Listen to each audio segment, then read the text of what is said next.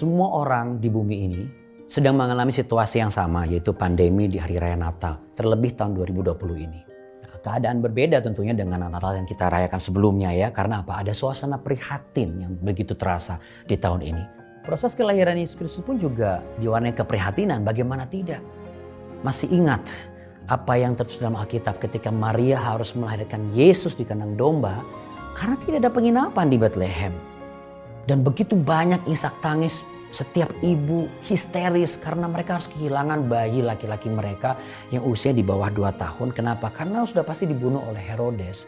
Raja yang memang saat itu takut kekuasaannya terancam.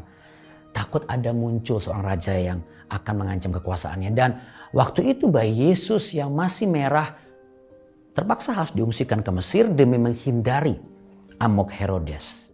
Karena memang bencana dalam bentuk apa pun termasuk pandemi memang bisa merenggut kegembiraan setiap manusia. Merenggut rencana yang sudah dicita-citakan tiba-tiba luluh lantak di tengah jalan. Biar seketika. Perencanaan berubah drastis. Sehingga banyak orang yang merasa putus asa, patah arang, tidak terlindungi. Tapi sebenarnya perlindungan Tuhan tetap ada Jesus. Dan kita harus proaktif untuk berperan mewujudkan sehingga kita bisa melihat bahwa memang Tuhan itu ada untuk melindungi kita.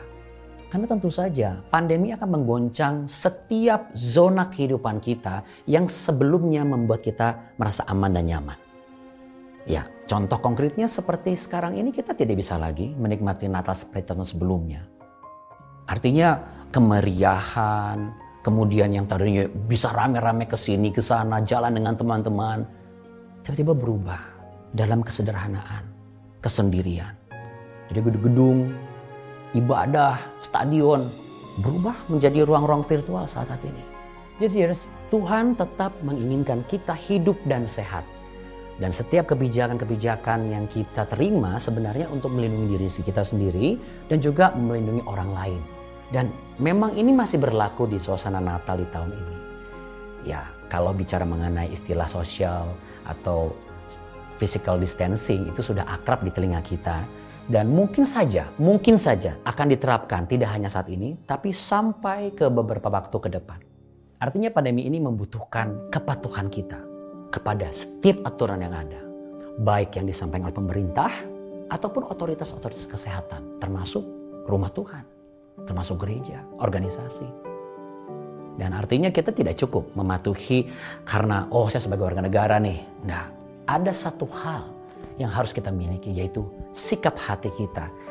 Apa kata Alkitab mengenai sikap hati ini supaya kita bisa patuh dengan cara yang benar? Tertulis dalam surat Roma pasal yang ke-13 ayat yang kelima. Demikian tertulis sebab itu perlu kita menaklukkan diri bukan saja oleh karena kemurkaan Allah tetapi juga oleh karena suara hati kita. Suara hati itu sama dengan nurani kita. Dibutuhkan nurani yang bersih untuk kita bisa membedakan dan kita memastikan benar. Dengan demikian kalau kita tahu betul ini satu hal yang benar, maka kita akan melihat hasilnya. Semua terlindungi dan kalau kita sudah merasakan faedah itu, maka kita secara naluriah akan masuk kepada satu hal yaitu kita menjaga ini dengan kewaspadaan karena bisa saja mungkin Anda berada di lingkungan yang sudah masuk kategori aman dari pandemik misalnya. Tapi jelas Anda tidak boleh lengah. Karena siapa saja di mana pun berada tetap harus waspada. Karena Yesus Kristus berkata, demikian firmannya, apa yang kukatakan kepada kamu, kukatakan kepada semua orang, berjaga-jagalah. Jesus Artinya Anda dan saya selayaknya tetap bersyukur jikalau sampai hari ini kita masih bisa menikmati suasana Natal sekalipun di tengah pandemi. Tuhan izinkan kita mengalami Natal sama dan peristiwa kesederhanaan Maria dan Yusuf ketika Yesus lahir. Sebuah keluarga kecil namun tetap dalam rasa syukur dan sukacita yang besar.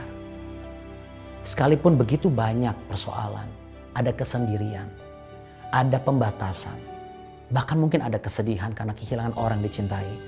Tetapi jangan lupa, di Natal ini Tuhan inginkan Anda mengizinkan hati Anda untuk terbuka dan izinkan dia kembali lahir.